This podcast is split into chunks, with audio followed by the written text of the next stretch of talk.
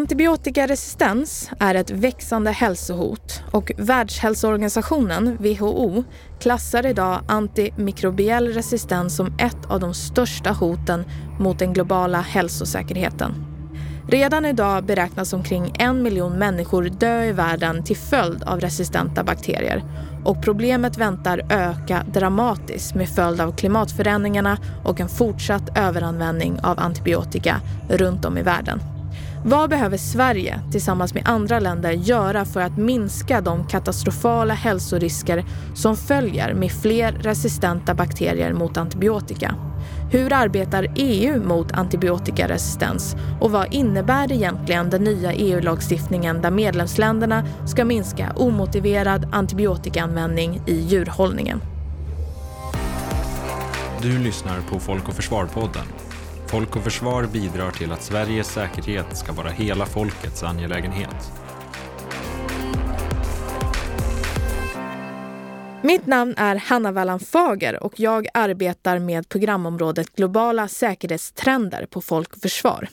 I det här poddavsnittet kommer vi tala om varför antibiotikaresistens utgör ett allt större hot mot människors säkerhet och hur Sverige och EU arbetar för att motverka antibiotikaresistens samt lindra effekterna av allt fler resistenta bakterier i världen.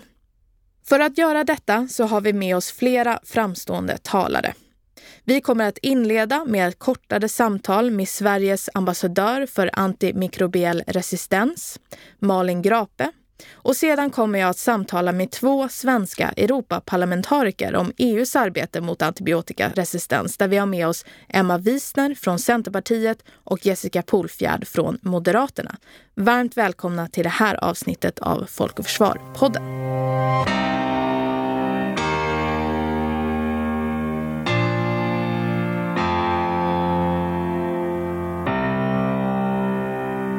Jag befinner mig nu i en poddstudio i Stockholm tillsammans med vår första gäst i det här poddavsnittet, vilket är ingen mindre än Malin Grape, Sveriges ambassadör för antimikrobiell resistens. Varmt välkommen Malin! Tack så jättemycket.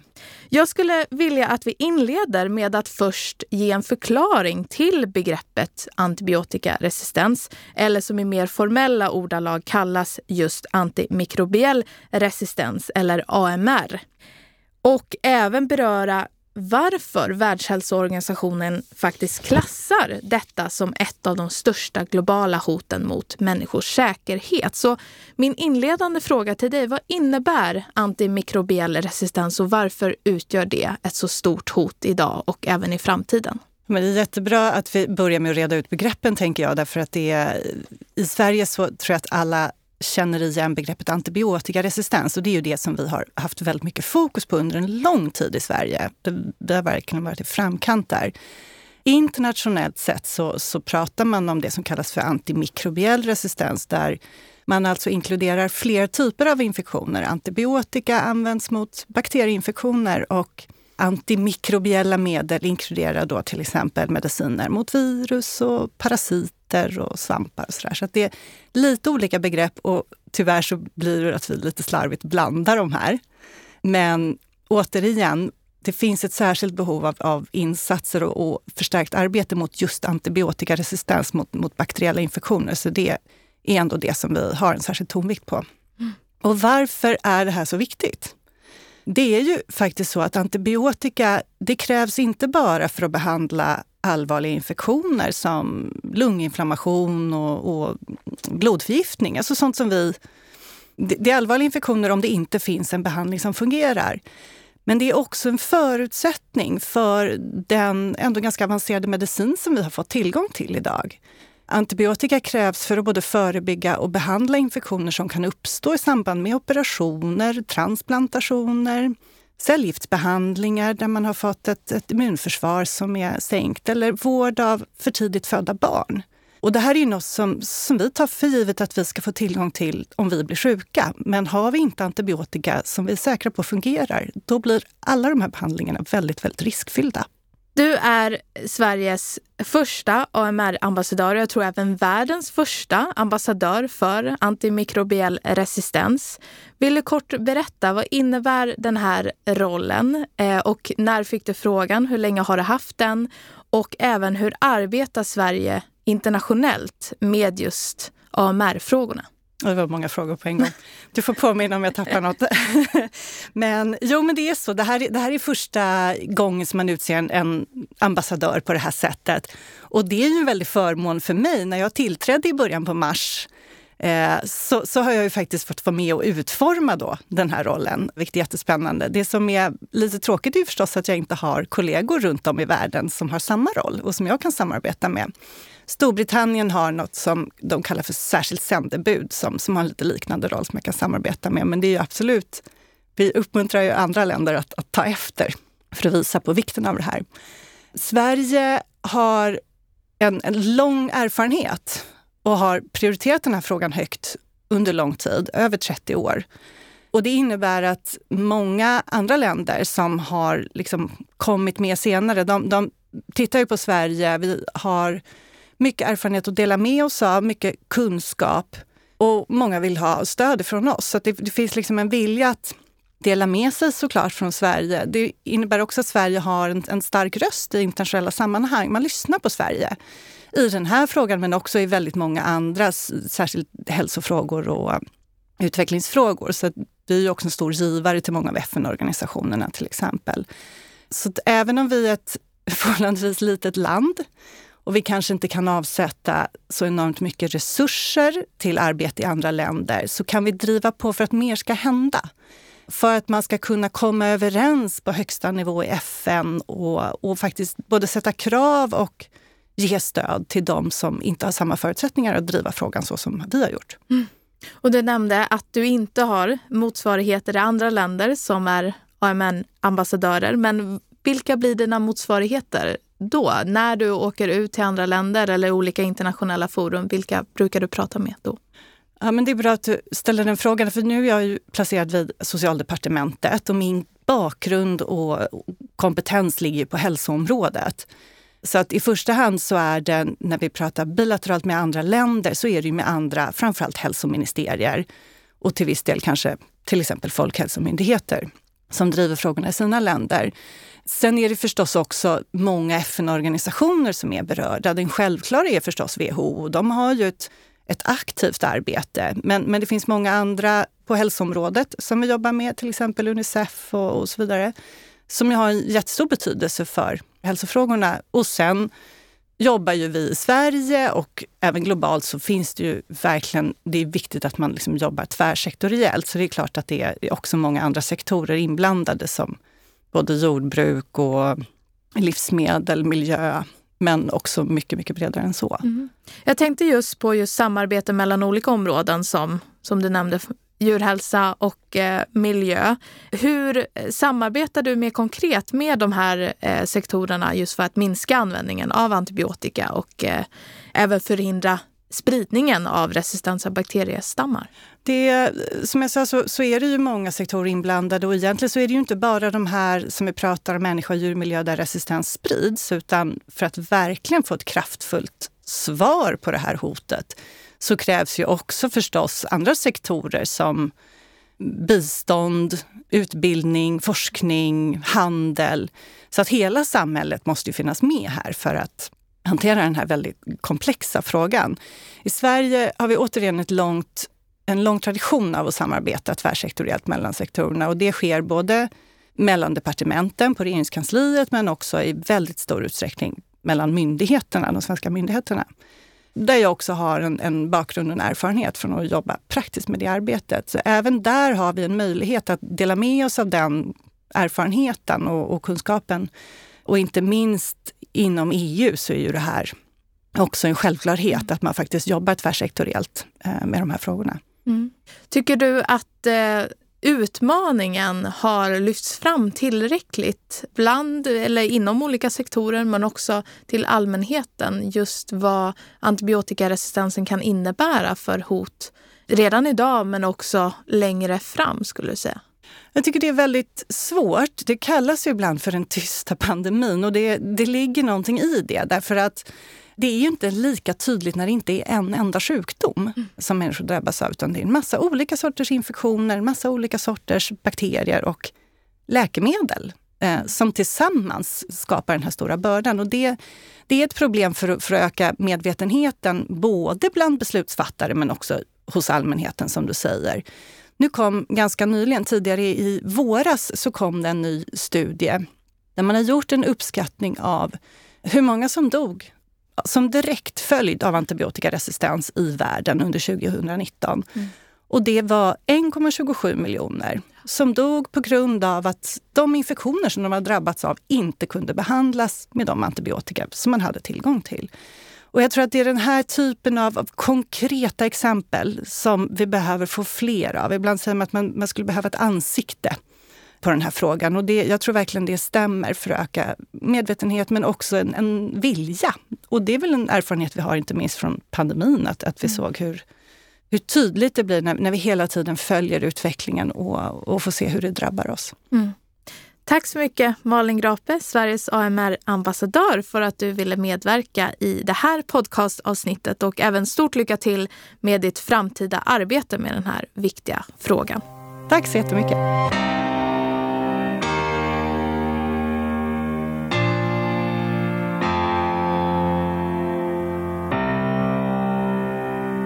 Går vi vidare i avsnittet och riktar blicken mot EUs arbete mot antibiotikaresistens. Och med mig på länk från en radiostudie i Europaparlamentet i Bryssel så har jag med mig Emma Wiesner som är svensk EU-parlamentariker för Centerpartiet. Och sedan har jag även med mig Jessica Polfjärd som är parlamentsledamot för Moderaterna i Europaparlamentet på länk från Sverige. Varmt välkomna Emma och Jessica. Tack så jättemycket. Jag tänkte att innan vi går in på samtalets huvudtema så tror jag att vi har många lyssnare som är intresserade av att få en kort inblick i det politiska arbetet på EU-nivå.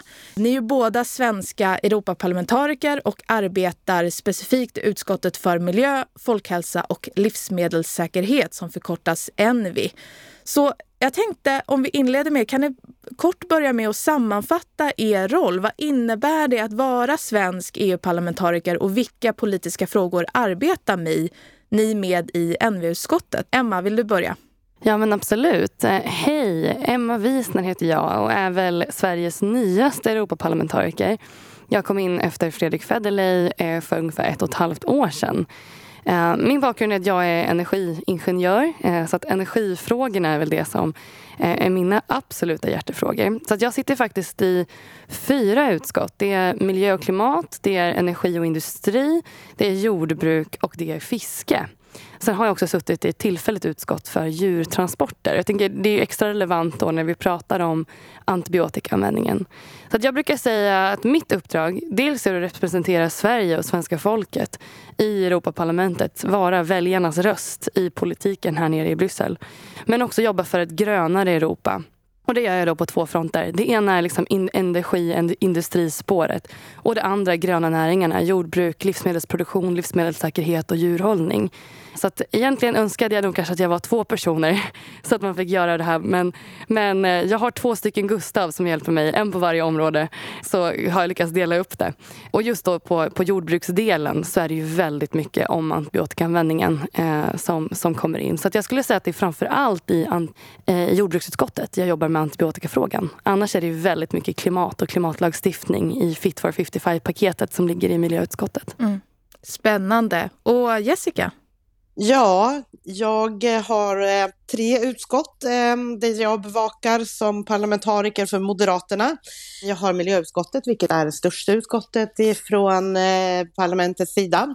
Det händer mycket där. Jag tycker själv att det är en väldigt god idé att samarbeta kring just miljöfrågorna och klimatfrågorna. Därför tycker jag att det är väldigt viktigt att vi har samarbetet inom EU och det har inte minst nu visats genom det klimatpaket som vi har förhandlat och röstat om, delvis i alla fall, här i närtid. Så att jag, jag ser att det här är samarbetsfrågor, de är viktiga. Jag jobbar också mycket med frågor som är för ett svenskt perspektiv viktiga, som skogen. Vi pratar mycket om batteri och omställningen till en ny, mer cirkulär eh, ekonomi. Så att eh, det finns mycket bitar tag i. Och sen har ju vi eh, då hälsofrågorna som vi ska diskutera idag, så det har ju också varit ett stort fokus kan man säga under hela pandemin ifrån vårt utskotts sida.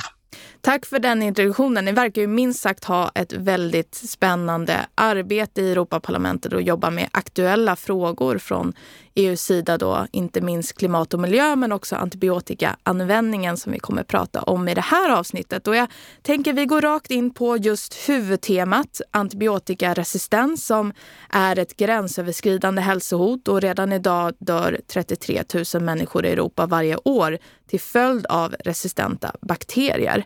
Därför undrar jag, hur ser överanvändningen skulle ni säga utav antibiotika ut i Europa och bland EUs medlemsländer. Dels inom djurhållningen men också människors användning av antibiotika inom sjukvården. Och vilka skillnader eh, finns det mellan medlemsländer? Ja, det är mycket riktigt som du säger att det finns ju stora skillnader mellan länderna i Europa. Vi vill gärna tro att eh, det, det vore bra om fler kunde följa Sveriges exempel då Sverige är duktiga. Vi ser att Sverige, svenska bönder idag är bäst eh, i EU på att minska antibiotikaanvändningen. Vi kan också se att eh, det har minskat över tid och bara de senaste två åren så har man minskat med 10 procent. Det betyder ju att vi behöver göra mer, men det behöver också andra länder göra och vi är ju gärna ett föregångsexempel här och jobba på flera fronter, jobba med innovation, jobba med ny teknik, jobba med, med förebyggande åtgärder. Men vi ser ju också att eh, det är länder som sticker ut fortfarande, som Spanien, Bulgarien, Ungern, som använder väldigt mycket antibiotika de behöver naturligtvis göra mer. Sen kan vi säga att Europa i jämförelse med andra länder i världen håller sig ganska bra. Men det betyder inte att vi är klara på något sätt, utan vi behöver göra mer. Vi kan väl också se att eh, det har eh, minskat över tid här, men mycket kan nog vara relaterat till att vi hade en pandemi och svaret på antibiotikafrågan är ju inte att vi ska ha lockdown och sitta inne och inte träffa andra människor. Så att eh, det kanske är en statistik som man inte ska använda, i alla fall använda den vanligt. Ja, men precis som Jessica säger så skiljer sig också väldigt mycket inom EU. och Det är därför det är så viktigt att politiken tar hänsyn till vad som redan har gjorts i varje medlemsland. Och det finns ju två stycken tabeller som jag brukar titta på. Det ena är ju antibiotika för humankonsumtion och det andra är antibiotika för djurhållning och antibiotika som vi ger till våra djur. Och det här är ju två väldigt deppiga grafer men det Sverige som tur är är bland de bästa i klassen på båda. Tittar man på humankonsumtionen så är ju Sverige ger minst antibiotika i doser per dag då till människor tillsammans med Nederländerna, Österrike och Estland. Eh, så så vi är ett gäng som har kommit långt när det gäller till läkares utskrivning av antibiotika på recept. Men som jag var inne på så är ju också djurhållningsfrågan en otroligt viktig komponent i arbetet mot antibiotikaresistens. Och den här liksom kontinuerliga eh, tillförseln av antibiotika till djur i förebyggande syfte, i tillväxtfrämjande syfte som vi har sett i EU men som nu äntligen i år eh, blir olagligt eh, och som också sker i resten av världen. Det är ju något som verkligen driver på antibiotikaresistens. Och då, eh, precis också som, som Jessica är inne på, så är ju Sverige bland de bästa i klassen i Europa. Det finns två länder i Europa som, som är snäppet bättre, men de har heller inte så mycket djur. Sverige ger i snitt 11,1 milligram antibiotika per kilo eh, djur. Eh, det är så man mäter. Så 11. Eh, Sypen ger 393 milligram. Och medelvärdet i hela unionen är 89. Så då förstår ni att vi har en otrolig liksom, utmaning i den här antibiotikaanvändningen i djur och djurhållning. Och där ser vi då att antibiotika används som ett instrument för att behandla behandla symptomen istället för problemen. Man gömmer dålig djurhållning, dålig djurvälfärd, dåliga förhållanden för, för djur runt om i Europa med att ge dem antibiotika istället och på så sätt komma runt sjukdomarna. Och där har ju Sverige gjort ett enormt stort arbete för att komma åt djurvälfärdsfrågan. På så sätt minska sjukdomar och smitta och ehm, eh, eh, därmed också kunna minska antibiotikaanvändningen. Så det här är ju i grunden en djurvälfärdsfråga. Eh, och det, där kommer en, en jätteviktig djurvälfärdslagstiftning här 2023 som vi bara går och väntar på. Men det kan vi prata mer om eh, inom, inom kort. Men det är så otroligt viktigt liksom, när, man, när man tittar på Europa, just djurfrågan. Och sen ska sägas också sista är väl att det här med resistenta bakterier ser också olika ut i Europa. Det skiljer sig också hur, hur man påverkas av antibiotikaresistens. Och det är framförallt södra och östra Europa där eh, man lider extra mycket av antibiotikaresistens. Ungefär 33 000 människor som dör årligen i östra och södra Europa. I Sverige är det någonstans runt 18 000 så vi ligger snäppet bättre till här uppe i Norden. Eh, bland annat klimatskillnader men också för att vi har varit mer restriktiva. Jag tänkte jag kopplar an till det som du talade om, Emma, om just användning av antibiotika i djurhållningen. I slutet av januari i år började en ny EU-lagstiftning att gälla som ska förbjuda omotiverad och rutinmässig antibiotikaanvändning i djurhållningen. Alltså bara att man använder antibiotika på rutin istället för att djuren faktiskt är sjuka som framförallt Sverige använder inom djurhållning till 90 procent. Men kan du beskriva vad innebär den här nya lagstiftningen och eh, vilka möjliga utmaningar ser ni när det kommer till efterlevnad men också uppföljning av de här reglerna? Vill du börja, Emma? Absolut, det här är så otroligt stora och viktiga frågor. Och här var det min företrädare Fredrik Federley som var ansvarig i jordbruksutskottet för att förhandla fram den här. Så att även om jag inte kan ta åt mig äran så känns det som en viktig seger för Sverige och för Centerpartiet att det nu äntligen träder i kraft. Och det var från januari i år, eh, 2020, som de här reglerna trädde i kraft. Och det är just det här förbjudet att rutinmässigt ge antibiotika till friska djur för att kompensera för brister i djurhållningen. Man får heller inte ge antibiotika till djur i grupp. Vi ser till exempel i fiskodlingar men även i kycklingbestånd och i grisar att man ger, om ett djur är sjukt så ger man hela beståndet för att minska smitta. Det finns undantag eh, såklart för vissa typer av, av eh, gårdar men de reglerna har skärpts åt så man får inte ge den här typen av gruppbehandling om det finns andra lämpliga alternativ. Och det har skapats en lista över vilken antibiotika som bara får ges till människor just för att begränsa resistensen eh, och komma åt det problemet. Och sen börjar en del av de här reglerna också gälla import av kött. För att även om vi har bra regler i Europa så måste vi komma åt importen av kött från tredje land som har behandlats på det här sättet. Om djur har fått antibiotika i tillväxtfrämjande syfte till exempel så, så ska det inte vara eh, okej. Okay. Så det är det som, som det paketet innehåller och det är ett jättestort och viktigt paket. Men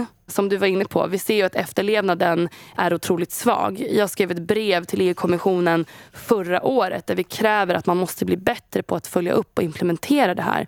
Det här är lagstiftning som redan är beslutad om. Det ska bara vara klappat och klart och implementerat nu i varje EU-land.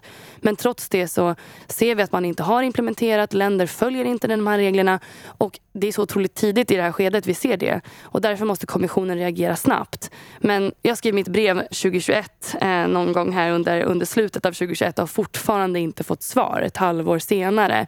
Vilket säger någonting om trögheten i de här processerna. Så att jag är faktiskt djupt oroad över att man inte tar åt sig och följer upp på det här. Mm.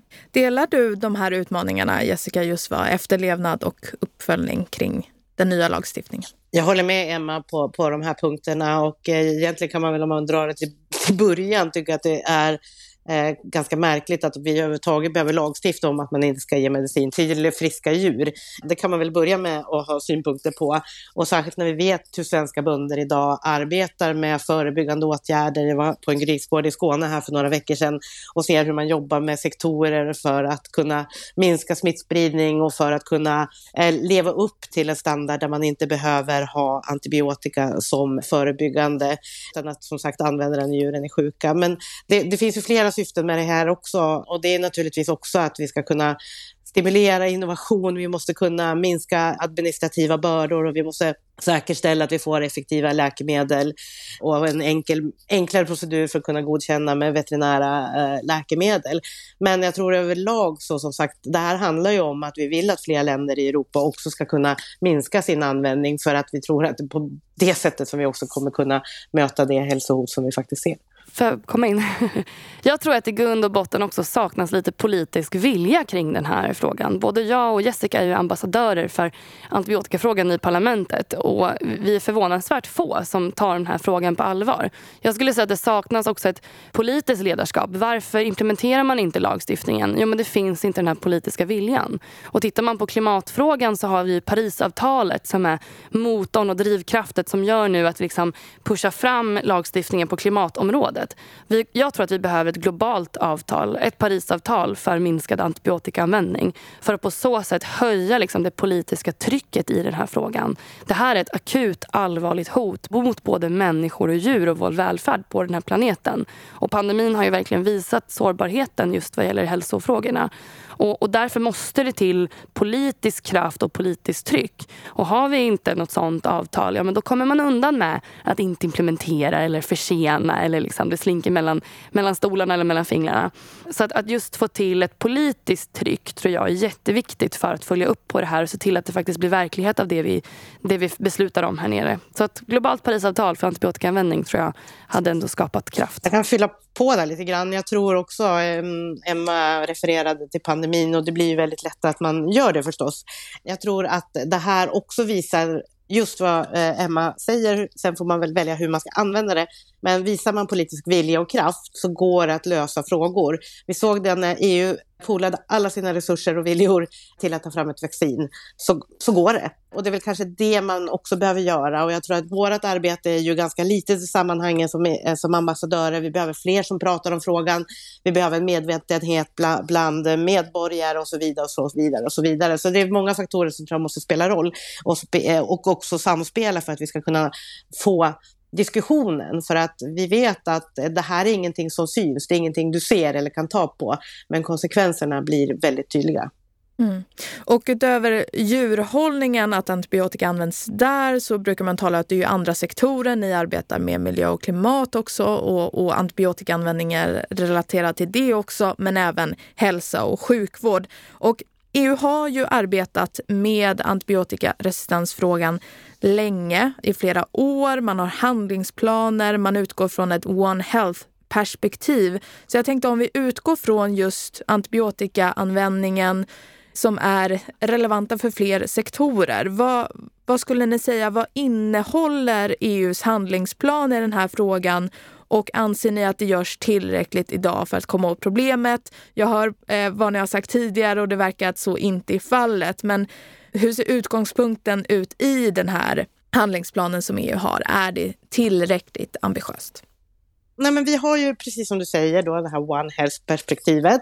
Jag tror att det handlar om flera delar även här. Man måste ha flera perspektiv samtidigt. Dels så handlar det om kunskapsutbyte mellan länderna. Jag tror att det är en ganska viktig del faktiskt, vad man kan göra för att förebygga, vad man kan utbyta för erfarenheter och hur man kan samla information och kunskap för att kunna gå vidare. Det kanske känns som man redan gör det, men jag tänker också med ny teknik, nya plattformar, så, så, så är det här möjligt att också göra och ja, hitta bästa praxis och dela sina framsteg. Och, men också kanske ha en politisk mer bredare diskussion. Och jag tänker att det här kan man ju göra på flera nivåer. Det kan ske på en regional nivå, det kan ske på en nationell nivå. Men jag tror också att den eh, europeiska och globala eh, nivån måste vara med. Och eh, det här handlar ju också, tror jag, om att handlingsplaner blir ju lite vad man gör det till. Kommer man inte göra någonting, kommer man inte använda det, nej då kommer det inte hända någonting. Så jag tror att handlingsplanerna i sig och, och, håller ihop.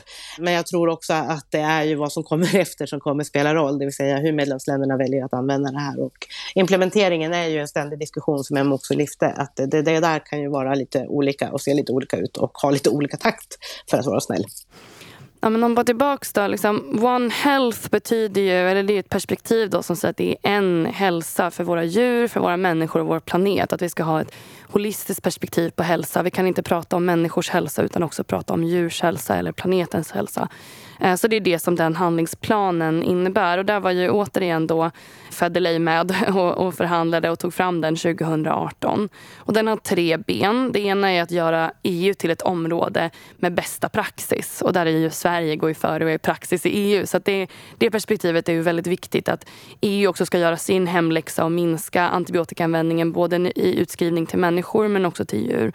Det andra benet är att främja forskning och innovation. Där var vi med och tog fram att det ska vara en innovationstävling och ett innovationspris kring antibiotikaanvändningsfrågan. Det är sånt här som används inom industrin och teknikbranschen. Eh, att det finns priser för att stimulera innovation på det här området. Och jag tror att det är ett område som är ganska eftersatt just kring forskning och innovation. Så att verkligen stimulera det. Och det tredje är att leda det globala arbetet. Och här hoppas jag då på, som jag var inne på, på det globala, det globala avtalet. Men det är väldigt viktigt att det vi gör inom EU också får spridning utanför. Och stora delar har ju genomförts. Eh, det har kommit eh, eh, veterinärmedicinska paket, det har kommit nya regler för märkning av antibiotika och, och en ny livsmedelsstrategi har tagits fram och det har getts mer pengar till forskning. Men vi måste ju såklart göra väldigt mycket mer. Och, och där är jag då inne på eh, framför allt då den nya djurvälfärdslagstiftningen som kommer 2023. Då ska man baka ihop fyra stycken lagstiftningar på olika områden som rör djur eh, och djurens hälsa och välfärd eh, in i en lagstiftning. Eh, och det har aldrig funnits förut på EU-nivå. Och där måste också antibiotikaperspektivet in just för att det här med att knorr på grisen, att danskarna fortfarande kapar av svansen och på knorren på grisen istället för att behandla problemen. Ja, men det är för små burar, därför gnager grisarna på varandra. Det är för dåliga hälsomiljöer, därför gnager man och det skapas sjukdomar och smitta. Den danska lösningen har varit att ta bort knorren, inte att förbättra hälsovillkoren. Det måste in i djurvälfärdslagstiftningen så att vi verkligen får bukt med problemen, inte bara symptomen. Och det måste följas upp. Jag satt nu och förhandlade i, i jordbruksutskottet ehm, eh, lagstiftningen för statistik och insamling av jordbruksstatistik. Och det kanske inte är en kioskvältare eller någonting som, som hamnar i de, de flådigaste tidningarna direkt. Men det var en otroligt intressant fil och det säger också någonting om hur långt efter vi ligger på det här området. För att antibiotikalagstiftningen har legat som en, som en eh, hälsomedicindel. Alltså, eller antibiotikastatistiken ligger bland eh, recept och läkemedel, läkemedel och behandlas inte alls i jordbruksstatistiken trots att det i jordbruket används enorma mängder antibiotika. Så det är väl en sån här vinst vi fick igenom. Att äntligen börjar också antibiotikaperspektivet genomlysas i jordbruksstatistiken. Och det har inte funnits. Och då, då förstår man hur långt efter vi ligger på One Health. Eh, fortfarande pratar vi liksom om mediciner med mediciner och klimat om klimat. Vi har inte det här integrerade perspektivet. Men nu då med den nya statistiken så, så förhoppningsvis får vi in då mer antibiotikakrav och redovisning och data eh, också för, för jordbruket. Mm. Jag tänkte att innan vi går vidare till eh, kanske politiska åtgärder som behövs och utsikter inför framtiden så vill jag stanna lite kring antibiotikaresistens och klimatförändringarna i och med att det är starkt sammankopplat. Ett varmare klimat ökar riskerna med anledning av att många smittämnen trivs bättre i varmare temperaturer. Så med den utgångspunkten, vill ni kort berätta hur Europaparlamentet arbetar med antibiotikaresistens som just en klimat och miljöfråga utöver just jordbruk och folkhälsa som vi har talat om tidigare. Och även vill ni kort beskriva hur EU idag arbetar med klimatanpassning för att minska just klimatförändringarnas hälsorisker. Vill du börja Jessica? Ja, det är nog ganska svårt att vara väldigt specifik i de här frågorna. Jag tänker att det vi jobbar med är ju att förhindra klimatförändringar generellt och bieffekten av det får ju hälsokonsekvenser naturligtvis. Vi kan se när det sker översvämningar, vi kan se när det sker bränder och så vidare och så vidare och så vidare. Vi kan ju även ta exempel som det krig som, som just nu pågår i Europa, att det också får konsekvenser när det kommer till hälsa. Så jag tror att i stora generella dragen så, så, så jobbar vi med för att förhindra klimatförändringar och återigen så har vi precis nu tagit eh, ett ganska ambitiöst eh, lagpaket för att kunna förhindra det här och för att EU som union också ska kunna uppnå Parisavtalen. Jag tror att det finns delar i det här som man kan göra mer av och som man kan eh, sätta fokus på. En fråga som har varit uppe nu nyligen eh, och eh, fortsätter att vara aktuell, det är till exempel avloppsvattnet. Den är aktuell för att det kommer en lagstiftning, så jag tror att det är därför man också haft fokus på det, men det är inte så att, att eh, andra frågor är oviktiga. Men jag tänker att det är en sån del som vi absolut kan koppla på antibiotikaperspektivet på, för att också kunna föra den frågan i andra delar av diskussionerna. Så det här tycker jag är en del som vi ska ha fokus och eh, fortsätta diskutera diskutera, för det här är ju någonting som vi ser kommer fortsätta. Generellt skulle jag också kunna säga att det, det handlar ju naturligtvis om vad som är forskning och vetenskap vad är det som är skadligt för folkhälsan och vi, vi, vi vill ju fortsätta att, att titta eh, på vad som är de bästa förutsättningarna för en renare, ett bättre klimat och renare miljö. Och där tror jag att det här ingår som, som en, en generellt, eh, ja, som, som övergripande och som sagt det här blir ju också då konsekvensen av, av, av det hela. Jag tycker det är bra att ha det perspektivet och jag tycker det är viktigt, eh, som jag pratade om innan också, att föra in det här perspektivet i de flera olika delarna. Vad kan det faktiskt vara så att man kan också ha en, en, ett perspektiv som gör att vi kan minska eh, hälsohoten i samband med klimathoten. Emma, vad säger du? Jag ska försöka vara kort. Det är min största akilleshäl. Nej, men för jag tycker ju att One Health-approachen är jätteviktig i det här. Och Ett tydligt exempel på det är också miljön. Och när vi får klimatförändringar och förändrad miljö, att det också kan bidra till antibiotikaresistens. Bara för någon vecka sedan så kom nyheten att forskare upptäckt hyperresistenta bakterier i marken på eh, Antarktis eh, som har liksom naturligt skydd både mot antibiotika och desinfektionsmedel. Så vartefter den här typen av upptäckter gör klimatet förändras så, så kommer också miljön eh, förändras och det kan påverka vår hälsa. Därför måste man tänka på, på liksom klimat, djur, människa, hälsa på ett och samma, samlat sätt. Så det kan låta flummigt men det är väldigt, faktiskt väldigt konkret. Och forskningen visar ju också, precis som du var inne på, att bakterieinfektioner ökar vid högre temperaturer. Varmare klimat eh, ger värre infektioner. Eh, vilket kräver mer antibiotika, det driver resistensen. När temperaturen ökar kommer stormar, översvämningar, väderfenomen som skadar eh, både människa men också överbefolkade områden. Vi ser att eh, det är framförallt eh, södra delen av, av klotet som också kommer påverkas mycket av klimatförändringar men också påverkas mycket av bakterie, eh, bakterie och antibiotikaresistens. Inte bakterieresistens, det hade ju varit skönt, men antibiotikaresistens dessvärre. Och bakteriespridning. Och så här kan man fortsätta liksom i evigheter. Forskningen visar verkligen kopplingar mellan klimatförändringar och bakterier, infektioner och tyvärr då också antibiotikaresistens. Så därför måste vi liksom prata om, om planeten och klimatets hälsa och därför kommer ju liksom min största prio alltid varit att minska behovet av fossila bränslen. Uh, som, som energi, energiingenjör, energimupp höll jag på att säga. Men som energiingenjör så är det, är det svårt att komma ifrån det. Det är liksom mitt politiska eh, främsta uppdrag. Varför jag är i parlamentet är för att få bort den fossila energin för att minska klimatförändringarna. Så det är jätteviktigt. På frågan om klimatanpassning då så kom ju kommissionen för drygt ett år sedan med en ny strategi om klimatanpassning. Och där nämns just det här samspelet med eh, människa, miljö, eh, klimatförändringar och att bygga samhällen. Men jag tycker också att klimatanpassning handlar om att förbereda politiken. Politiken måste klimatanpassas. Vi måste bli bättre på att hantera akuta situationer, att hantera pandemier, att hantera översvämningar, katastrofer, eh, militär och försvar. Eh, för att klimatfrågan eh, är här för att stanna. I det mest ambitiösa scenariot i IPCCs rapporter så kommer eh, temperaturen öka med 1,6 grader innan den går ner till 1,5. Och det är det mest, mest, mest ambitiösa. Och jag tror inte att vi har riktigt förstått eh, 1,6 graders uppvärmning för planeten, vad det kommer innebära. Eh, vi sitter här nu tryckt med en grad, men 1,6 är en enorm skillnad. Och därför kommer vi behöva bli mycket, mycket bättre på att hantera kraftiga fenomen i både i natur och i samhälle, samhällsomstörtningar. Och politiken måste klimatanpassas för att han, kunna hantera det här. Vi måste bli flexiblare, snabbare och också mer medvetna om att det här är problem som är här för att stanna.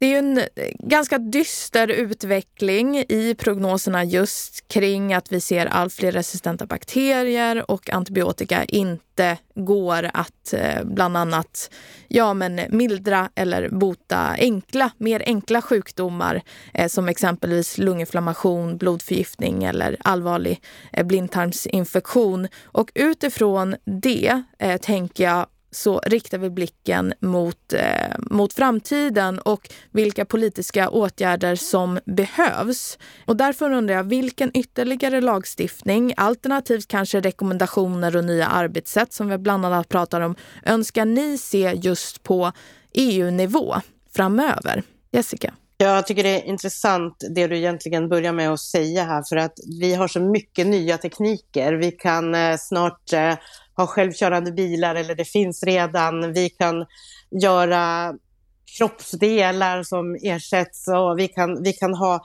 så mycket, men vi, vi riskerar i framtiden att dö av lunginflammation. Det är, tycker jag, ett perspektiv som man ska ha med sig, därför att det är precis det det handlar om. Att vi tror att det är självklart att vi ska kunna bota de enklaste sjukdomar. Men om vi inte får bukt med den här antibiotikaresistensen så är det faktiskt så att vi riskerar att dö av enkla eh, sjukdomar i framtiden. Det jag tror att vi behöver göra det är naturligtvis att fokusera på det som är de nya regelverken, att de implementeras så att de efterlevs om vi tar från ett politiskt perspektiv. Jag tänkte också inkludera jord till bord-strategin som handlar om om livsmedelsstrategin för att också nå målen om och att antibiotikamålen och, och, och, den översyn som vi behöver göra när det kommer till läkemedelslagstiftning till exempel. Sen vet ju alla att det är inte Europaparlamentet som kommer sitta på nyckeln till lösningen, utan det handlar ju om att också stimulera forskning, innovation, vara med och finansiera innovation för att också kunna få den här ja, samverkan och, och, och, partnerskapet för att kunna underlätta för de som forskar för att ta fram nya produkter av antibiotika. För det handlar ju om att slå fast de patenträttigheter och det som politiken styr över. För att jag tror att det är ryggraden för att vi också ska kunna få innovation och forskning i framtiden. Men jag, men jag är övertygad om att vi behöver göra mer. Men jag tror också att vi måste titta på den breda lösningen. vilka är det som kommer lösa frågan? Ja, det är de som också fortsätter att forska. Det är de som har möjligheten att, att faktiskt lösa den här frågan åt oss. Eh, jag är helt övertygad om att politiken kan bidra, men jag är också övertygad om att det är inte vi som kommer hitta lösningen, utan det är ju de som faktiskt arbetar med det här dagligdags. Ja, men om man får avsluta lite positivt då, så visar ju ändå Sverige och svenska jordbruket att vi klarar av att ställa om och även svenska läkemedelssektorn som inte alls skriver ut lika mycket antibiotika som våra grannländer. Så att här finns det också mycket positiva exempel och en hel del att göra där Sverige kan visa på att vi kan, kan gå i framkant. Och jag hade önskat en mer liksom proaktiv agenda från svenskt håll för det här är en konkurrensfråga för jordbruket att vi ser till att det är samma regler gäller i hela unionen. Sverige då som har anpassat eh, sin djurhållning, burar och burstorlekar och djurvälfärd på gårdarna har ju redan tagit en stor kostnad och en, en stor smäll för att anpassa det här. Nu är det dags för våra grannländer att göra samma läxa. Så det här är ju en konkurrensfråga också, inte minst för jordbruket, eh, men också en djurvälfärdsfråga. Se till att vi höjer standarden och ribban i hela unionen. Så därför tycker jag att, att jag, hade önskat, jag hade önskat mer proaktivitet från Sverige att faktiskt driva den här frågan. Vi är bra på att säga vad vi tycker att EU inte ska göra. Men det här är en sån fråga där EU verkligen ska agera. Och jag hade hoppats att svenska ordförandeskapet skulle driva antibiotikafrågan hårt. Det är tyvärr inte med i prioriteringarna för svenska ordförandeskapet och den här trion av Frankrike, Tjeckien, Sverige. Utan man nämner kort det här One Health-perspektivet. Men där hade vi kunnat lagt eh, ribban mycket högre och visat på ett svenskt perspektiv nu när vi tar över ordförandeklubban här framöver. Men eh, som Jessica säger, då, vi har ju jord till bord-strategin och den är ju redan antagen. Och där säger vi att EU ska minska användandet av antibiotika med 50 procent fram till 2030. Och då är det jätteviktigt att man tittar på varje medlemsland för sig.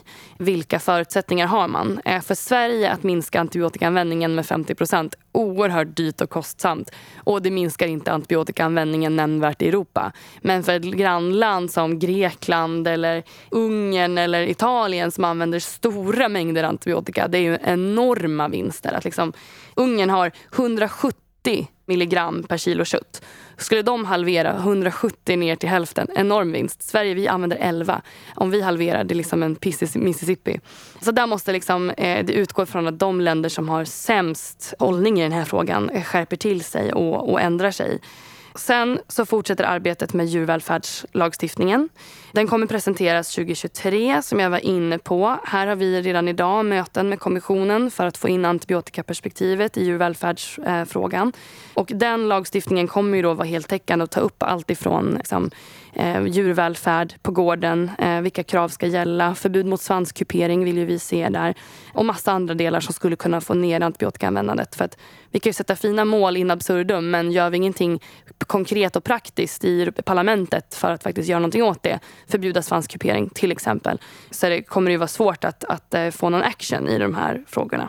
Så det är väl några av de grejer jag skulle vilja se framöver, förutom då det här globala Parisavtalet. Och sen dessutom tycker jag, för att eh, Sverige har ju en AMR-ambassadör som jobbar med minskad antibiotikaanvändning från svenskt håll. Det borde vara ett krav att de alla EU-länder eh, jobbar på det här sättet så att vi skapar förutsättningar för att få till det här globala Parisavtalet. För att eh, annars, eh, annars blir det nog svårt. Så att fler borde ta över, eh, ta ledning efter, inspireras av Sverige och utse en sån här ambassadör så att vi får bukt på de här problemen. Du har varit inne lite på min sista fråga där Emma, men det är just eh, bland annat inför det svenska ordförandeskapet i EUs ministerråd våren 2023. Det är om bara snart ett halvår. Men också att Sverige faktiskt använder lite antibiotika eh, till skillnad från många andra EU-medlemsländer. Hur skulle ni säga, hur kan då Sverige och flera andra, kanske nordiska länder, baltiska länder som är framgångsexempel när det kommer till låg antibiotikaanvändning vara just en stark röst för olika effektiva politiska åtgärder på EU men kanske också global nivå? Ja, jag kan hålla med om att jag tycker att det här är någonting som ska vara på den agendan och jag hade inte heller haft någonting emot att det stod på svenska ordförandeskapets agenda. Dock har jag full respekt och förståelse för att i dagsläget så har man andra frågor som ligger högt upp som också är akuta. Det här är väl lite den här frågans problem, därför att man brukar säga att det är den tysta pandemin, att den, den är pågående, och att den fortsätter att vara utmanande, men den kanske inte får den här stora explosionen. Men återigen, vi riskerar i framtiden att dö av den enklaste sjukdom för att vi har eh, inte löst den här frågan. Så den är ständigt aktuell och jag tycker att vi bör föra upp den. Jag tror det är viktigt med att vi går före, att vi visar vad som behöver göras när det kommer till djurhållning till exempel, så tog vi exemplet om hur man jobbar förebyggande. Det tror jag är viktigt. Jag tror också att det här är en ganska konsumentstyrd del eh, när vi pratar om eh, djurhållning till exempel. Vad, vad, är det konsumenterna kommer efterfråga i framtiden? Och någonstans så önskar man väl att också länderna inser, precis som med klimatförändringar, att det här är någonting som vi långsiktigt tjänar på att faktiskt ligga i framkant. Vi kommer inte kunna vara konkurrenskraftiga på en europeisk eller global marknad om det är så att vi inte tar hänsyn och eh, faktiskt följer med utvecklingen, vad det är som, som, som är framtiden. Och här finns det så många goda perspektiv också för, för att, att, att förändra sitt arbetssätt. Jag tror att vi behöver, som jag sa tidigare, också diskutera den här frågan mer, att föra in de här perspektiven i de lagstiftningarna där det är aktuellt. Att fortsätta att arbeta för att den här frågan ska komma på bordet och att den också finns med. Vi jobbade hårt nu till exempel ehm, för att få med de här perspektiven i, i flera olika strategier. Så jag tror att det, det, spelar faktiskt roll om det finns medvetna politiker också i den här frågan som, som, som får med formuleringar och som får med frågeställningar och som också får med lösningar naturligtvis. Så att eh, jag tror det är bra om vi jobbar på flera perspektiv. Jag tror också att det handlar om att eh, på regional nivå till exempel Eh, det kan ju handla om hur du har flödena på din vårdcentral för att minska eh, spridningen i framtiden. Så att det, finns, det finns stora eh, exempel, det finns små exempel, men jag tror det finns väldigt många goda exempel där ute som faktiskt gör skillnad på också om man tittar på smittspridning och så vidare. Så att det är flera krafter som behöver samverka och jag är som sagt glad att Emma och jag på vårt perspektiv kan föra upp den här frågan och se till att den är levande och aktuell. Ja, men jag tror precis som Jessica säger, att ständigt vara på hugget och ständigt vara på den här frågan. Ett av mina första ändringsförslag när jag kom in i parlamentet, då fick vi en sån här liten, en liten lagstiftning, ansvar för den. Det handlar om import av kött in till Europa. och då tänker man så här, vad ska, 17 ska jag göra med den här lagstiftningen? Men då lyfte vi in antibiotikaperspektivet eh, in i den lagstiftningen, vilket var otroligt häftigt. Och det är en av mina första ändringsförslag som fick gehör i parlamentet. Och där skriver vi bland annat att vi vill ha ett globalt Parisavtal mot antibiotikaanvändning. Så att nu är det faktiskt hela Europaparlamentets hållning att vi vill det. Eh, och det är precis den här, så här man måste jobba. Att hela tiden lyfta in antibiotikaresistensperspektivet eh, för att kunna få gehör. Så det är väl en sån här grej jag är lite, lite stolt över att vi faktiskt lyckades med. Och det perspektivet måste fortsätta att hela tiden pressa in antibiotikaperspektivet i lagstiftningen. Sen tycker jag Sverige, svenska regeringen och eh, vår AMR-ambassadör då har ett jättestort ansvar att sammankalla till möten, sätta press på de andra länderna. Vart är eran ansvarig någonstans? Så att de förstår att de också måste utse en person med ansvar för den här frågan. Och sist men inte minst då, följa upp på implementeringen av det veterinärmedicinska paketet. Alltså vi skickade ett brev eh, för flera månader sedan och har fortfarande inte fått svar. Och det är väldigt lite som tyder på att kommissionen har gjort någonting åt det här.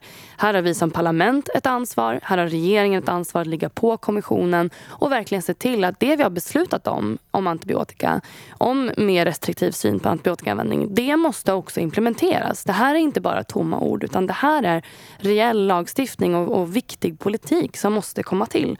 Så att verkligen följa upp på implementeringen. Där kommer jag vara en nagel i ögat tills jag får svar eh, i den här frågan.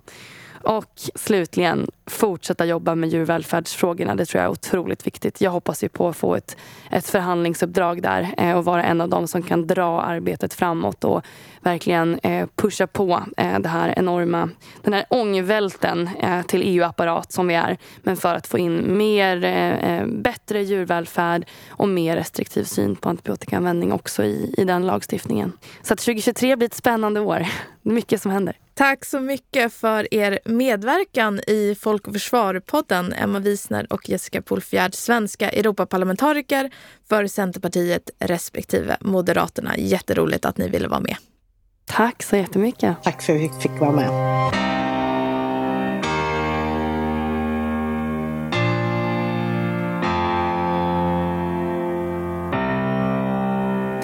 Det allt för det här podcastavsnittet där vi har fördjupat oss i frågan om hur antibiotikaresistens utgör ett globalt hälsohot och hur Sverige och EU arbetar för att motverka och minska riskerna med allt fler resistenta bakterier i Europa och i världen.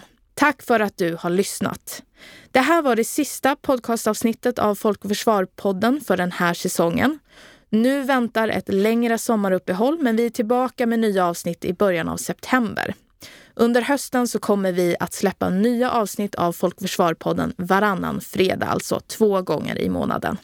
Om du vill ta del av vår verksamhet rörande säkerhet, försvar och krisberedskap, gå in på vår hemsida www.folkförsvar.se. Och du kan även följa oss på sociala medier där vi heter Folk och Försvar. Trevlig sommar! Du har lyssnat på Folk och Försvar-podden. Podden är skapad av Hanna Wärland Fager. För att ta del av mer av vår verksamhet, besök vår hemsida www.folkochforsvar.se.